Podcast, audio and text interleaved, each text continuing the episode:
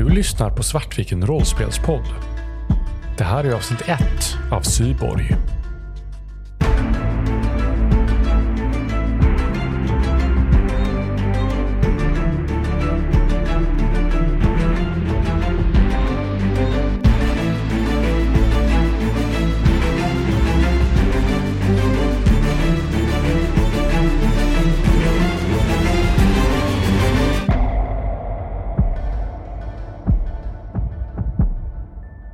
Och välkommen till Svartviken rollspelspodd. Idag ska vi få äran att spela ett spel som i detta nu är live på Kickstarter. Det är nämligen Cyborg av Stockholm Kartell. Skrivet av, nu ska vi se, Christian Salén och med bild och layout av Johan Nor. Johan Nor var ju med och gjorde även Mörk Borg och det här är ju då ett hack på Mörk Borg fast i en cyberpunkvärld. Tanken var att vi skulle vara hela Svartviken Eh, vi fick ett avhopp i form av Moa, så vi plockar in Micke från Rollspelsdags. Välkommen Micke! Hej hej! Nu vinkar jag i kameran här, men eh, det blir så dålig podd av det. Så jag slutar med det på en gång. Eh, du är med i Rollspelsdags. Jajamän. Vill du säga några ord om, om den podden? Plugga den helt skamlöst. Oj! Det, det... Vi har inte förberett Micke på att Nej, han har den här inte. reklamplatsen, men vi skickar en faktura efteråt. Absolut. Uh, nej, men in och lyssna på Lasers and Feelings säsong två. Vänta, när ska det här släppas? Uh, på fredag. Hoppas jag. Och fasen så. Ja, in och lyssna på Lasers and Feelings säsong två och eh, sitt på nålar för nu håller vi på att spela in Vindskäl-kampanjen. Eh, den är i full fart just nu och verkar bli riktigt, riktigt rolig faktiskt. Och spännande kanske jag ska säga. Nice. Kan också rekommendera att lyssna på Skrumt, er eh, kampanj med, med Skrumt. Den var väldigt, väldigt bra. Lyssna på allt. Stanna ja. inte bara där, utan kör allt. Sen fick vi tyvärr ett avhopp till på grund av eh, Tekniskt lite mikrofoner och teknofoner. Teknofoner? Eh, teknik som inte funkar. det här kommer gå så jävla bra. Ja. Eh, så Anna är tyvärr inte med oss ikväll. Eh, hon lever men hon är inte med oss ikväll. Så vi är eh, Christer, Micke och Kristoffer som ska ge oss ut i cyberpunkvärlden. Bra att du lämnar Moas eh, såhär, eh, tillstånd lite så här outtalat. Anna lever. Det kan vi, det kan ja, vi vara överens om i alla fall. ja, Håll utkik efter Moa. Eh, fortsättning följer. Sai, den enda staden som ni någonsin kommer att känna till. Katastroferna avlöser varandra i detta helvete av neonupplysta övergrepp. Radioaktiva avfall, surt regn, gängkrig, cyberattacker och överklassens krig mot fattigdom. Eller snarare krig mot de fattiga. Sai är staden som ni alltid har drömt om att lämna. Här finns allt för de som redan har allt och inget för de som behöver något. Slumkvarterens ruckel och fallfärdiga höghus sträcker sig ut så långt ögat kan nå. Omgivna av skyskrapor och arkeologier. Likt en avlägsen mur till en annan värld. Det är här ni befinner er. I en nedgången bar långt efter stängning. Ni vet inte om barägaren, Grin, är er vän eller om han bara tycker synd om er. Men det spelar ingen roll. Det viktigaste är att ni har en plats att vara på. Så beskriv scenen för mig. Vad gör ni här, långt efter mörkrets inbrott? I den här sunkiga håla som ska föreställa en bar i Sais slum. Ja, men jag har ju 500 spänn, höll jag på Jag har ju 50 krediter, så jag sitter ju inne i den här baren för att jag har hört att spriten är skitdålig, men drogerna som han säljer under bordet är riktigt bra ibland. Så att mina sista pengar ska jag köpa eh, stimulans för. Jag petar mig i näsan och frågar var, var, var, var är de bra grejerna? Han eh, tittar upp från, han står och torkar bänken. Alltså, han slänger en blick på klockan. Är det inte lite sent för dig att ta droger nu? Du ska ta dig hem också. Frågan är om det inte är lite för tidigt. Ja, eh, visst, vi kan väl... Eh, han böjer sig ner och sen så plockar han upp. Jag har eh, röd juice här. Du kan få den för, eh, för 30. Är du sjuk i huvudet? 20 spänn, inte mer än så. Vi kan slå vårt första slag här ja. för att se hur systemet funkar. Direkt. och jag vill att du slår presence. Och då slår man en T20 och lägger till sin bonus. Och i ditt fall är din bonus plus 4 va? Yes. Och i det här fallet skulle jag säga att du behöver komma upp i 10 eller mer.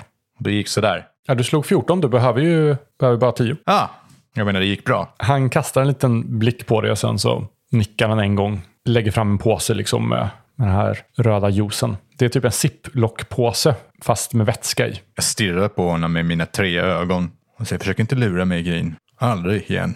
Mm, nej, nej. Jag sliter åt mig påsen. Micke, vad, vad är det din karaktär heter? Bra fråga. Eh, jag har ju tagit Moas karaktär mer eller mindre. Vad hette jag? Bell heter jag. Ja, Bell. Bell heter jag.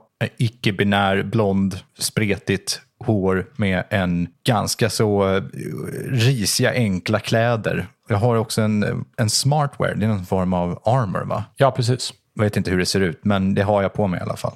Jag har en automatkarbin och ett hagelgevär på mig. Vilket bara det borde ge lite respekt. Men det kanske är jättevanligt. Det är som hängslen i den här världen verkar det som. Ja, framförallt i slummen så är ju vapen är ju alla bär vapen mm. i princip. Det är ju det är pågående krig liksom utanför dörren. Mer eller mindre med olika gäng som slåss. Precis, och sen så har jag ett tredje öga också kanske jag ska säga i pannan.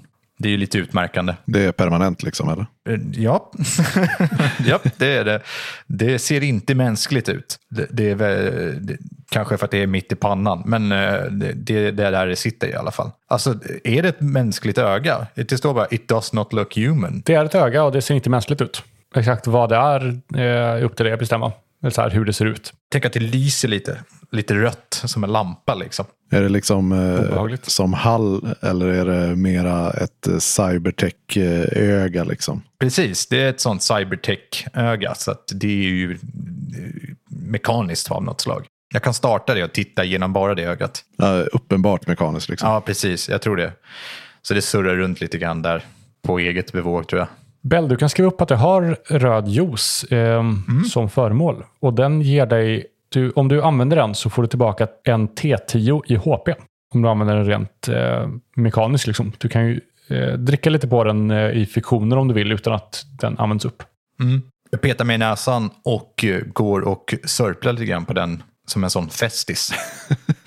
Stoppa ner ett, ett sugrör. Ja, hur ska jag annars göra? Eller ska jag gå och suga på den som en sån isglass som man fick när man var barn? Som man var tvungen att, ja, nostalgi. Ja, men precis. Ja, men jag går och, och smuttar på den. Jag, någon anledning ska jag, inte, jag kan inte låta bli att tänka, alltså föreställa mig på något annat sätt än att det är liksom som en klemmis i genomskinligt eh, genomskinligt material. Exakt, som man ger små barn. Ja. Så helt blodröd vätska i. Mm. Christer, vad hittar du på? Vad heter du och vem är du? Uh, Jan är jag.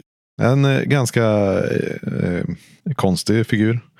Eh, jag sitter här i baren, i Greens bar och eh, suger på någon så här, eh, ganska ja, men, motsvarande öl eller det billigare alternativet till öl. Och har väl suttit med liksom samma, samma glas nu i senaste två, tre timmarna. Det som utmärker mig utseendemässigt är att eh, trots att det är ganska mörkt i lokalen sitter jag med mina mörka, ganska breda solglasögon. Inte mirror shades utan eh, bara svarta glasögon.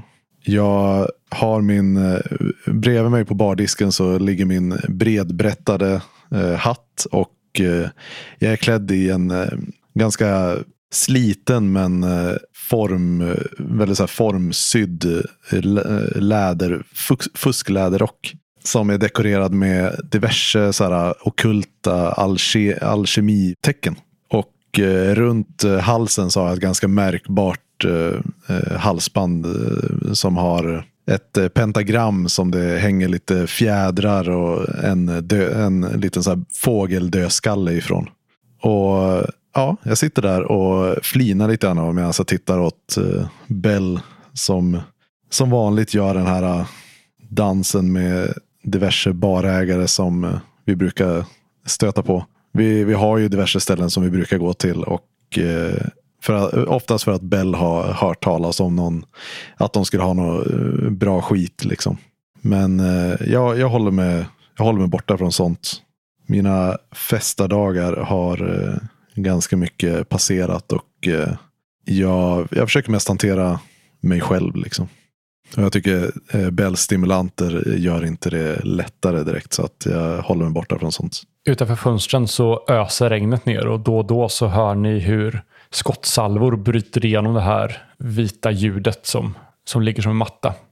Ni har ju så kallade Retinal Com Devices eller RCD som är en slags installerad liksom Tänk Google, Google Glass fast installerat liksom på er retina. Så ni er verklighet och värld är konstant fylld av pop-ups och reklamer och, och liksom sånt var ni än tittar. Eh, när ni tittar upp mot stjärnorna så ser ni liksom ett, eh, ett täcke av olika reklamer eh, som är riktade specifikt åt er. Och Bell, plötsligt så dyker det upp ett, ett meddelande i din syn. Mm. Och det är från en okänd avsändare. Okej. Mm, jag kollar väl upp det då. Är det spam som vanligt? Nej, det här verkar vara från en person som heter Denise. Som beskriver sig som en djurrättsaktivist. Mhm. Och Denise har ett uppdrag åt er som betalar väldigt bra om ni tar det. Nämligen 5 000 krediter per skalle. Jag sitter ju på stolen bredvid Jan. Så jag daskar till honom på armen. Och säger Ö, du, fick just en grej här. Ja, skicka. Jag delar det här, vidarebefordrar det här mejlet till eh, Jan också. Kolla. 5 000 per skalle. Uppdraget går ut på att bryta sig in i eh, ett av Gene Futures laboratorium och frita de djur som hålls fångna där. Enligt Denise så begår forskarna vidriga experiment på djuren där och de måste omedelbart få ett slut. Det är ju asbra.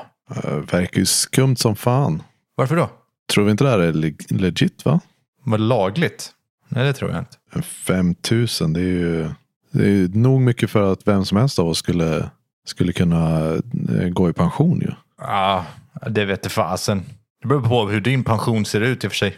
Kanske inte alla av oss men vad fan det är ju. Det måste ju, ing- det måste ju vara att de har räknat med omkostnader. Det här kan ju inte, det här kan ju inte stämma. Vad, vet du någonting om det här Jane Future? Jag har ju knowledge och har ju jobbat på företag. Har jag någon aning om vad det är för någonting? Eller skulle jag kunna slå för det? Du vet att Gene Future är ett, eh, ett av de stora företagen som har sina fingrar i i princip varje syltburk. De håller på mycket med AI och att försöka skapa intelligens. Ja, alltså det här företaget kan ju syssla med precis vad som helst. De har ju hur mycket pengar som helst. Så varför skulle de inte kunna ha en avdelning som är helt dedikerad till att försöka experimentera på djur? Nej, det är väl den minst konstiga saken med, med det här jobbet. Jag svarar, kan man skicka ett mail tillbaka till Denise och bara Hallå, vem fan är du? Det kan du göra. Och det dröjer inte länge förrän du får en, eh, en länk till det sociala nätverket, eller ett av de sociala nätverken som är stora just nu. Där du kan se den här Denise.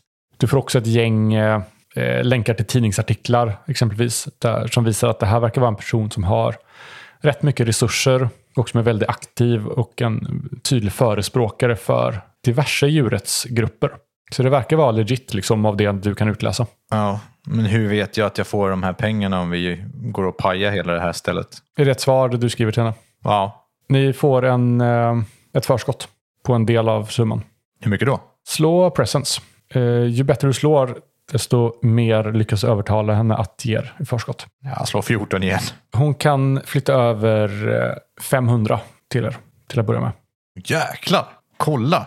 Du borde ha fått det också. Och då är det 500 totalt, alltså 250 var. Ja, okej. Kolla. Här. Och det plingar till och ni har fått en, en bankinsättning. Liksom. Jag skickar halva direkt till eh, Jan.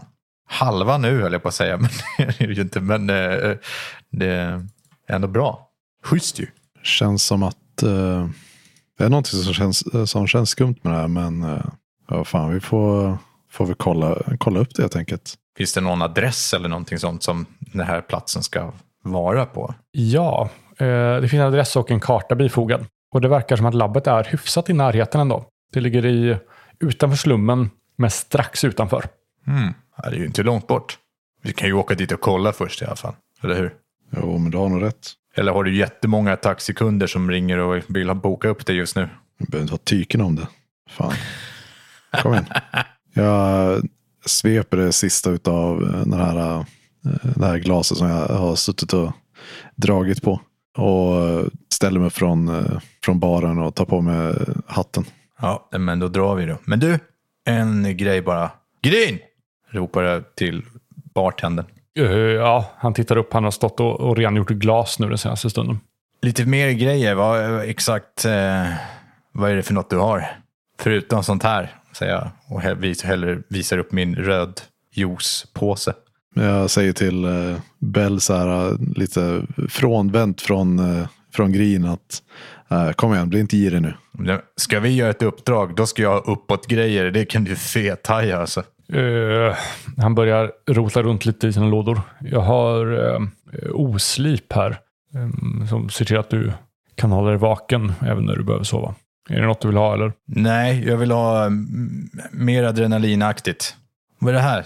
Amfetamin för barn, kom igen nu. Jag ska kika lite. Han plockar upp en, en väska och så öppnar han den och så börjar han gå igenom vad han har. Finns det något som gör att man inte kan sluta prata? Den låter inte så Det bra. känns inte som ett problem för, eh, som Bell har. det har jag passivt. I karaktär och i verkligheten. Det finns en som heter C-Vortex som eh, alla, allting där du ska göra något kreativt. Exempelvis att göra nano ger dig minus två på svårigheten i en T10 minuter. Ja, det låter ju ascoolt. Det tar vi. Eh, kostar 50. Ja, men eh, jag tänker inte ens pruta om det. Utan jag, nu är jag ju rik. Så nu är jag lite frikostig. Så jag bara, eh, jag bara betalar. Han ger dig en, en eh, påse med lite piller i. Jag gör en sån mot honom. Och sen går jag därifrån. Och ni kommer ut i eh, det här regnet som bara öser ner. Och av de här reklamskyltarna och stora billboards som står liksom bara skjuter ut mängder av ljus runt er så ser regnet ut som att det är i, i tusentals olika färger. Det är nästan svårt att se vad som finns här ute för regnet är så kompakt och så mycket olika färger i att man inte riktigt kan avgöra vad som är regn och vad som faktiskt är reklamtavlor. Men det är inte sånt syraregn eller vad du sa tidigare. Inte idag verkar det som. Nej, annars går vi in igen, tänker jag. Nej, det verkar vara, vara lugnt med det. Mm. Var har eh, du din taxibil? Eh, Jag tänker att den står nog parkerad i en gränd ganska nära. Alltså, gränd och gränd, men en eh, parkeringsficka som är lite så av, avsides. Men är det så att vi, det här området som vi ska till, är det high-sec eller är det low-sec? Det är Losec. Okej. Mm. Det är, det är inte slummen, men det är liksom inte ett fint, fint kvarter. Är, det, är det bara de fina kvarteren som är hög säkerhet eller? Eh, Jag skulle säga det. Mm. Och sen liksom eh, punkter då i de andra här och där, men inte, eh, inte hela kvarteret vanligtvis. Eh, men då går jag med till min taxi. Bell har väl säkert parkerat sin motorcykel i närheten också. Absolut. Färdas ni separat eller tar ni taxin båda två? Nej, jag tar min motorcykel.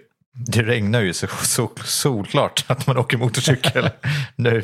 Jag har inte duschat på jättelänge så att jag tänker att det här kompenserar. Och det är första regnet på länge som inte, in, som inte är frätande också, vilket ju är, eh, är tacksamt. Det är ganska uppfriskande tänker jag. Jag vill att båda ni slår en, bara en rak T20 utan modifikationer. Åtta. 16. Christer, nu ska jag slå en tärning för dig här. När du kör genom de här eh, stadskvarteren och navigerar fram genom den, den tjocka trafiken även vid den här tiden på dygnet så hör du plötsligt sirener som kommer bakifrån. Och du hör skrikande däck när en bil trycker sig mellan dig och den mötande trafiken. Och sen hör du polisbilarna som kommer efteråt och hur de nästan prejar andra bilar av vägen för att nå fram till sitt mål. Och jag vill att du slår ett slag för agility för att inte själv bli, bli ett offer för polisen när de är så ivriga att ta sitt mål. Att de struntar i collateral damage. Tänker när, när har eh, polisen någonsin brytt sig om eh, collateral damage egentligen? Uff, två. Polisen kör upp vid sidan av dig och plötsligt ser du hur en mötande lastbil kommer. Och polisen har ingenstans att ta vägen. Så de gör det enkla. De bara svänger ut åt vänster och helt enkelt prejar dig av vägen. Och du kör in rakt i en lyktstolpe och blir stående där.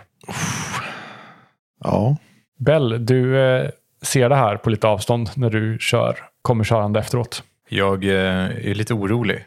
Så jag kör upp bredvid och kollar in i förarsätet för att se om eh, Jan mår bra. jag tänker att jag lyckas sparka upp förardörren och lite så här halvt rullar ut från sätet undan liksom ihopknycklade panelen på insidan som är liksom ihoptryckt av eh, stöt, nej, vet du, konstruktionen i bilen som, eh, som eh, undviker att allting knycklas ihop. Liksom. Men den är fortfarande deformerad på insidan. Hela ditt synfält nu bara lyser upp av reklam för bilverkstäder. Och jag rullar ut ur bilsätet och stapplar iväg en liten bit och så här, kastar hatten i marken och bara svär och stampar. Eh, lite ignorerar Bell eh, för en, en stund. Men är, är det här en, eh, en lyktstolpe vid, liksom på en trottoar eller är det mer lyktstolpe mitt i vägbanan? Det är längs trottoaren. Ja. Du blev utprejad liksom från vägen upp på trottoaren och in i lyktstolpen. Och när jag har svurit och domderat ett tag så vänder jag mig och tittar på bilen och försöker avgöra om det finns något sätt jag kan rädda den här. Jag har ju inte pengarna för att laga någon, genomföra en reparation. Liksom. Den är nog körd för ikväll i alla fall. Ja, Okej, men inte värre än så i alla fall. Nej, men den, eh, du får den nog inte härifrån just nu utan berg, berghjälp. Ja. Jag står och tittar på och petar mig i näsan samtidigt. Medan Jan har sitt, ut, eh, sitt raseriutbrott. Jag bara hytter mot bilen så här. Idag, av alla jävla dagar. Jag blir så jä... Och så, så här, tittar jag bort mot polisen. Poliserna som fortsätter liksom jakten längre ner längs gatan. Och, och kommer med den längsta och grövsta harang av svordomar jag kan komma på. Liksom. Ska vi ta dem? Äh, Vad fan. Säger jag och ser lite glad ut. Du såg ju vilken... Det där var ju, det där var ju de som inte är direkt rädda för att säga, säga emot. Vi får... Nej, det är fan inte värt den här gången heller. Ja, du bestämmer. Kan jag, eh, kan jag åka med dig så ska jag kolla upp lite alternativ för bilen. Jag klappar på baksätet bakom mig och blinkar med ena ögat. Kom nu snygging. Nu åker vi. Jag hoppar på lite så här surmulet. Och medans jag sitter bak på motorcykeln så eh, kollar jag upp lite så här om det finns någon så här svarta marknaden eh, bärgare som, som har en chans att ta, komma och hämta bilen innan Corpsens inpound organisation liksom har snatchat den så att det blir svindyrt att få ut den igen. Jo då, men du hittar lite. Ju snabbare det går desto dyrare blir det ju. Mm. Men det finns helt klart. Men jag tänker jag blåser nog de här, eh, det här förskottet. Eh, Så 250 credit för, för att få bilen bärgad. Och då kommer de och hämtar det direkt och de lagar bilen också åt dig. Ja, perfekt. Jag har ju en sån här gammal, gammal motorcykel. Alltså från förr, verkligen. Från innan katastrofen. Som går på bensin och mm, mm, precis. Den är ju ett eh, original på sitt sätt. Så jag bara varvar så det bara sprutar avgaser och sen drar vi därifrån. Och medan Jan håller på och försöker fixa det här så säger jag, skit i den där nu. Du får ju två och ett halvt snart. Kan du köpa en ny bil? Ja, visa mig creddstickan så kommer jag eh, lugna ner mig. Du, om ett par timmar så kommer du vara lycklig. Åh, så många gånger jag har trott det. Ja, men jag tror på, jag på känner att den här är, den här är bra. Denise. Klappar Bell på axeln så här, när jag sitter bakom. Längs vägen ser ni spår av, av den här polisjakten där det är fler bilar som står längs trottoaren som blivit bortprejade. Ja. Till slut kommer ni fram till adressen för där labbet ska ligga. Och det verkar vara en liten oansenlig dörr som ligger ihoptryckt mellan en klädbutik och en butik som säljer cyberdecks. Och framför den här lilla oansenliga dörren så står det en stor biffig vakt som ser otroligt uttråkad ut. Ni kan se att han har en, eh, en pistol i ett hölster vid sidan. Tänker vi börjar väl egentligen med att bara åka förbi i normal hastighet. Och, ja, med, med den här eh, RCDn kan man eh, kan jag typ ta bilder eller liknande. Ja då, kan du göra. Så vi åker förbi och så eh, liksom bara fotar lite rekognoseringsbilder. Och så kanske vi åker runt eh, kvarteret eller så här tänker jag. Tills vi hittar någon sunkig bar som vi kan, kan gå in på. Och prata om, eh, eh, diskutera vad möjligheterna är. Det är ju så pass sent på natten nu att alla barer i princip är stängda. Eh, något snabbmatställe. Ja, men det finns något som är så här dygnet runt öppet. Något snabbmat som säljer eh, riktigt, riktigt dåliga hamburgare. För ni, ni befinner er nu i det här, de här korta timmarna mellan att barerna stängs och öppnas igen. Där de städar och bara ställer ordning saken och sen öppnar igen. Men ja, ni hittar ett snabbmatsställe. Det är ju bra att ha en cover för varför vi är i området. Och den här uh, Cyberdick-affären är väl stängd också då antar jag?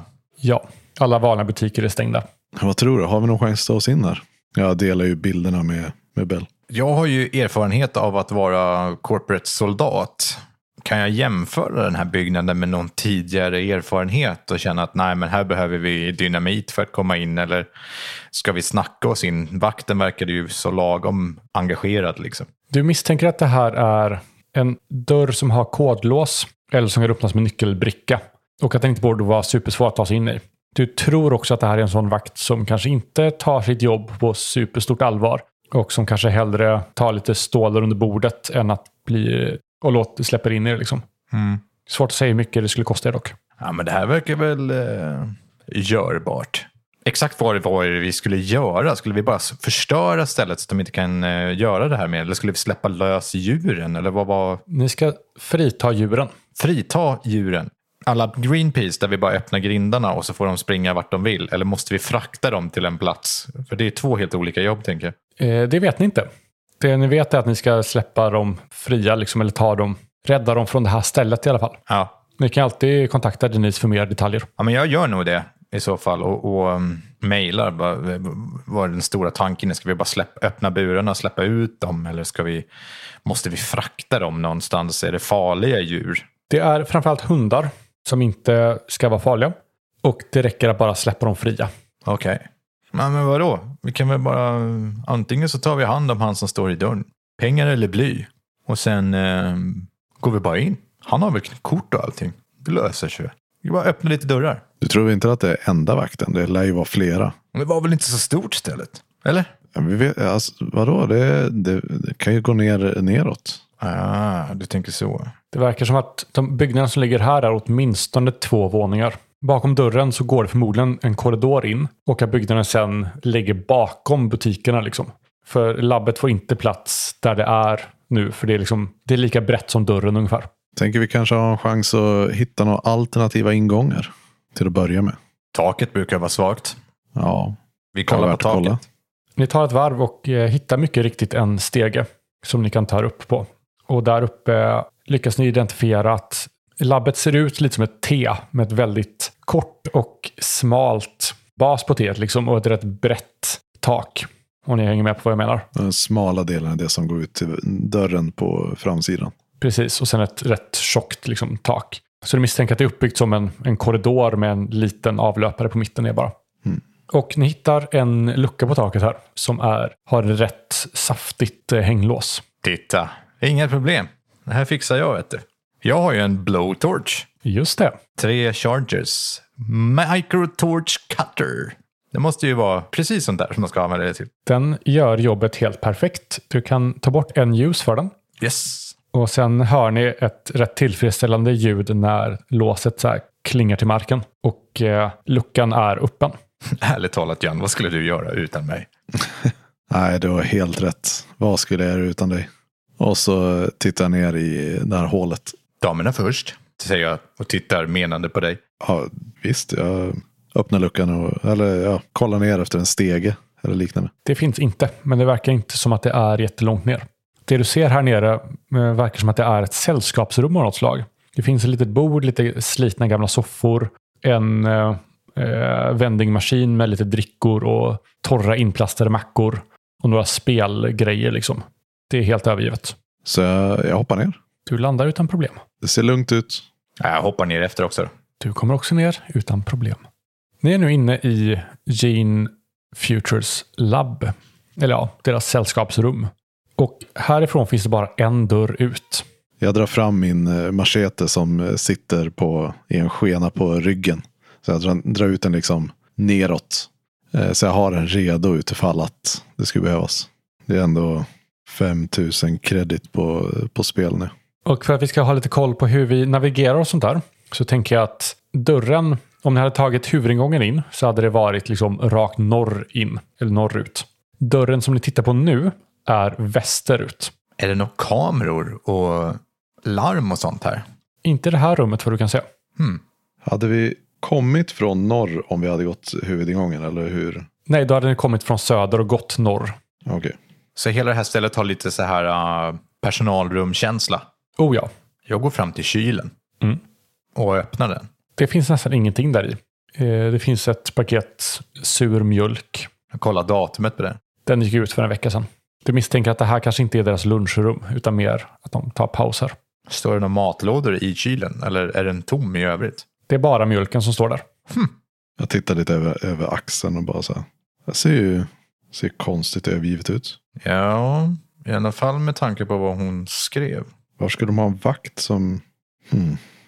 Fanns det en dörrar här då också som fortsatte? Eller? Ja, det finns en dörr som sagt, som då leder västerut.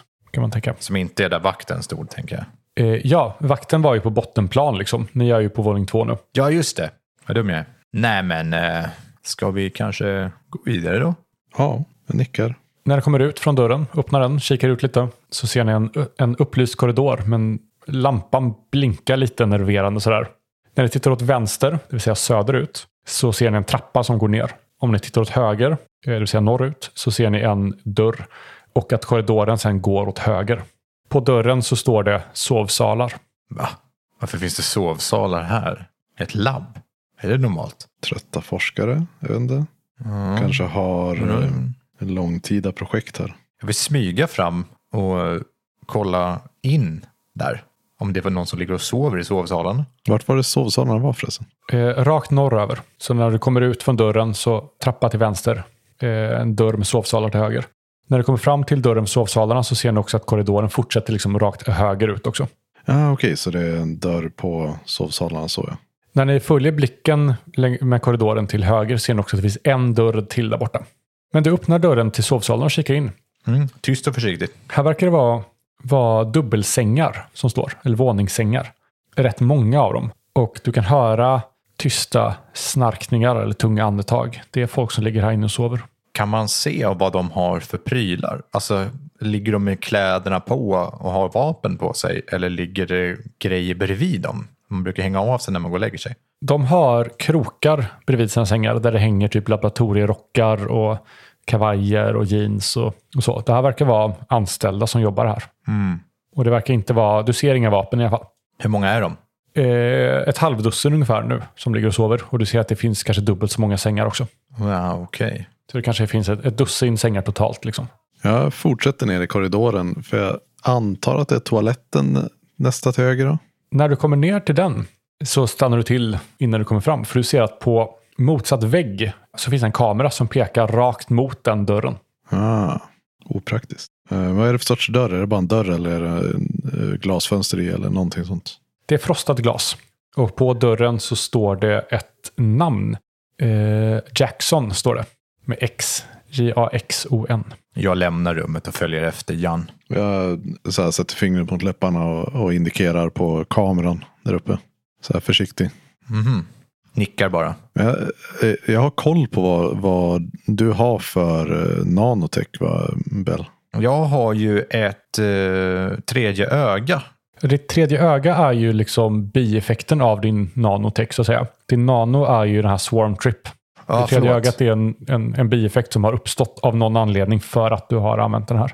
Precis. Jag kan ju förvandla mig till bakterier och flyga omkring lite. Ja, men det, om jag tänker att jag, om jag vet om det så, så använder jag några handsignaler liksom för att så här, indikera. Kan du eh, kolla in i, i det rummet eh, utan att kameran upptäcker dig? Jag nickar och sen går jag runt hörnet då och sätter mig på golvet och börjar fokusera på att lämna min kropp. Jag vill att du slår ett slag för presence. Och du vill slå 12 eller högre. 16, oj, 20 menar jag. Det går fin, fint. Sen vill jag också att du höjer det här uses med ett steg. För varje gång du använder nano så ökar risken att du fumlar. Det har jag gjort en. Ja. Och så nästa gång du använder den så fumlar du på ett och två helt enkelt. Mhm. Du känner hur ditt medvetande förflyttar sig från din kropp ut i luften till en, en svärm av bakterier som surrar omkring där. Inte för att bakterier surrar, men ändå. Och att du sen i upp till tio minuter ungefär kan röra dig ganska fritt. Jag eh, susar förbi runt hörnet mot den här eh, det, Jackson-dörren då. Och smiter in under till dörrspringan om det går. Det går alldeles utmärkt. Här ser du ett rätt fint kontor med två män. En person som sitter med rätt fina kläder. Sitter och eh, vid skrivbordet och verkar skriva på lite papper och sånt där. Sen står det en mycket större man med tydligt beväpnad som står med armarna i kors innanför dörren. Det verkar som att han står och liksom surfar på sin retinal com device. Mm. Förmodligen livvakt av något slag, för det här verkar vara en viktig person. Jag har ju tio minuter på mig att swisha runt lite grann. Kan jag göra en liten koll runt omkring och se om jag kan hitta alltså, andra dörrar som jag kan titta bakom utan att behöva öppna dem och så vidare? Ja då, det kan du göra. Det verkar inte finnas några fler dörrar på den här våningen, men du kan ju åka ner om du vill. Mm. Jag gör nog det när jag ändå passar på. När du kommer ner från trappan så ser du att här eh, sträcker korridoren ut sig åt båda hållen. Det verkar som att övervåningen bara tar upp ena halvan av taket på T1 så att säga. Ja. Och du kommer ner i mitten av, av T1 nu. Ehm, så du har en korridor som går åt höger och en som går åt vänster. Och i båda fallen så har du fyra stycken dörrar. Du ser också att det finns en rätt rejäl dörr som är eh, direkt bredvid dig som du förmodar går ner i källaren. Ja, men jag tar den på en gång i så fall. För vi har väl ändå våra misstankar om att det är där nere som saker för sig går. Och du märker att den är helt tät. Ja, jag har kommit in där. Den är av en mycket högre teknologisk nivå än allting annat du har sett hej- här hittills. Och du misstänker att det här är liksom, här nere finns det någonting. Det är säkert och high tech. Okej, då glider jag vidare och kollar bara snabbt in om det finns folk i de andra rummen och om det finns någonting som är av intresse för vår del. De flesta rummen här är kontor. Och där sitter det mycket riktigt en del personer och arbetar. Eh, Det finns också ett lunchrum och ett förråd. Samt toaletter och ett bibliotek. Men det verkar inte som att det finns liksom något superintressant här. Du kan hitta en fyra personer här ungefär. Någon är på toa, någon sitter på kontoret och arbetar och, och lite sådär. Finns det, vad finns det i förrådet? Mest städgrejer. Finns det städkläder? Som en overall eller någonting? Eller två? Eh, ja, det gör det. Det verkar finnas grejer för att ta hand om farligt material liksom, och, och sådana dräkter för att hantera det. Skulle man kunna ta på sig dem och säga att jag är städare och är här för att städa? Det kan man säkert göra. Ja, men då drar jag tillbaka. Du öppnar ögonen igen och befinner dig än en gång i din egen kropp. Jag viskar till Jan vad jag har sett för någonting. Jag berättar om storpampen som sitter där inne med sin livvakt bakom Jackson-dörren. Jag berättar om att jag inte kunde komma in ner i vad som verkar vara källardörren för den är supertätad. Och sen eh, berättar jag om skrubben. Att det sitter folk där nere också och jobbar. Om du vet vart vi ska i alla fall. Mm. Jag funderar på om vi ska ta oss in i eh, sovrummet och eh, helt enkelt eh, ta två uppsättningar kläder. För att kunna försöka smälta in som arbetare här. Mm. Jag tänkte samma sak fast med städet istället. För jag tänker att de har säkert stenhård koll på vilka som jobbar som forskare eller vad det är för någonting som de är här. Men de har säkert jättedålig koll på vilka som kommer att städar. Det är de som finns men aldrig syns på riktigt tänker jag. Såg du några mer kameror där nere? Glömde att fråga det. Eh, nej, det gjorde du inte. nej, nej, det såg jag inte. Inte några fler kameror. Ja, Okej, men eh, kan vi sno städuniform så eh, är det kanske lättare i så fall. Det verkar troligare med två städare som har glömt sitt kort. Att komma in och ut. Jag kan säkert lura dem. Mm. Men eh, om det är så förseglad dörr till källaren så kanske, det inte, eh, så kanske de inte har vanliga städare där nere heller. Finns det den möjligheten också? Nej. Jag tror nästan att någon av oss måste in i sovrummet och försöka hitta ett accesskort. Eller dylikt. Du fixar det. Så fixar jag den andra grejen då. Ja visst, det låter väl bra. Om du går, alltså, för jag gick ju ner för ett par trappor för att komma till det här stället. Ja. Fanns det något hörn eller någonting sånt som man kunde gömma sig bakom? Eller ska vi ses i skrubben? Det finns inga bra hörn tyvärr att gömma sig bakom. Vi ses i skrubben då. Okej, det är första dörren till vänster. Efter den förseglade dörren. Säger jag bara, jag hittar bara på det. Kristoffer. Det blir skitbra. Rummen här kan flyttas runt som Ja, man precis. Det behagar. kändes som att det var mindre relevant i för saken. Liksom. Jag eh, smyger ner för trapporna. Jag vet ju på att ungefär var folk är någonstans nu. Så jag ska ju bara kolla så att kusten är klar i korridoren och sen ska jag gå in där. Precis. Och du kikar för och du ser ingen. Så du smiter förbi och in i förrådet. Mm. Vi klipper till Christer som jag vill ska slå ett slag för agility. För att smyga in och stjäla kläder utan att någon vaknar eller lägger märke till dig. Mm. Och du bör 12 eller mer. Och glitcha det kan man göra efter man har slagit va? Eh, ja, precis. och du slog ett fummel. Eh, så det tror jag att du har glitches. Uff, eh, Du kan ju använda den för en reroll rakt av bara. ja precis, jag, jag kan göra det va? Ja, för att ändra från en fummel till en, en failure kanske inte är, är riktigt värt. Men en reroll är ju, är ju bättre. Ja precis, jag tänker det. Kan man göra det flera gånger? Eh, ja, ni har bara två glitches, men ni kan använda dem två gånger. Liksom. Vad var eh, det? 12 Oh, och du slår 11. Äh, fuck it, man ska använda resurser. Jag sänker svårighetsgraden med fyra.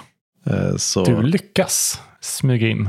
Tack vare att någonting blir fel i, i The Matrix eh, två gånger så lyckas du ta dig in utan att någon vaknar. Och du plockar på dig jeans, en av de här rätt anonyma skjortorna och en eh, labbrock som verkar passa. det, det viktigaste är ju att försöka hitta någonting med ett accesskort i. Ja, och det hittar du också. Du hittar en sån nyckelbricka liksom med, med en bild på någon som inte riktigt ser ut som dig. Men eh, om någon tittar jävligt fort så, så hårfärgen och ansiktsbehåringen är okej. Okay, liksom. Lika nog. Bell, du kommer in i förrådet. Ja. Och ser mycket riktigt att här finns ju de här eh, dräkterna som man använder för att ställa upp kemikalier och sådär. Och, och lite hinkar och, och blandat gött som du kanske vill, vill plocka på dig. Jag vill ju framförallt ha en sån här städ-overall på mig. Tänker jag.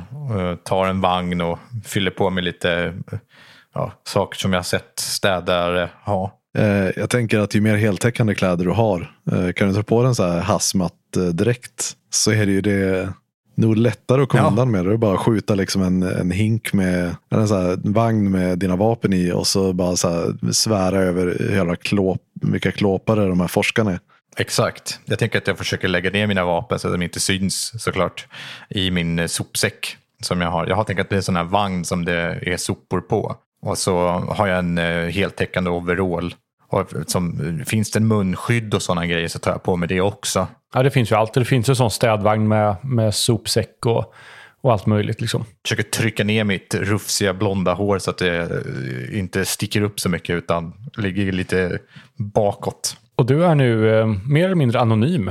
Perfekt. Väntar du här på att Jan kommer bara? Eller? Ja, det var ju dealen. Så att jag stannar nog bara där och har dörren lite på glänt kanske till och med så att det ser upptagen ut. Jag håller på att disinfekterar eh, vagnen just nu med eh, sprit. Du mixar olika vätskor och... Samtidigt som jag petar mig i näsan. Jan, du ger ut i... För du går tillbaka nu och ner till förrådet antar jag? Eh, jag, jag, jag gled bara in i eh, vilo, eller i rastrummet där. Och bytte om till de här kläderna och tar mina egna kläder i typ under armen bara tror jag. För att inte lämna några spår. Och så sen så går jag ner till städskrubben då. Och min, min förhoppning nu är ju att jag kan typ agera cover för att så här. Nej men naturligtvis måste städpersonalen in i, eh, eller i labbet så att vi kan eh, städa upp den här jävla röran. Så jag, jag ska bara till eh, städskrubben och så här vinka till Bell att så här följa, följa, följa med. Och sen så börjar vi gå mot uh, labb, uh, källardörren. Då. Och ni beger er ut i korridoren med de här lamplysrören som, som blinkar lite irriterande. Vad de än lägger pengarna på här så lägger de det inte på lokalkostnader i alla fall. Åtminstone inte på de här två våningarna. Och ni kommer fram till den här stora stängda rejäla dörren och inser att det här är ett gammalt lås med en vanlig jävla nyckel. Du har lyssnat på Svartviken rollspelspodd där vi spelar Syborg. Syborg är skrivet av Christian Salén från Stockholm Kartell och ges ut av Fria Ligan. Musiken är gjord av Alexander Bergil.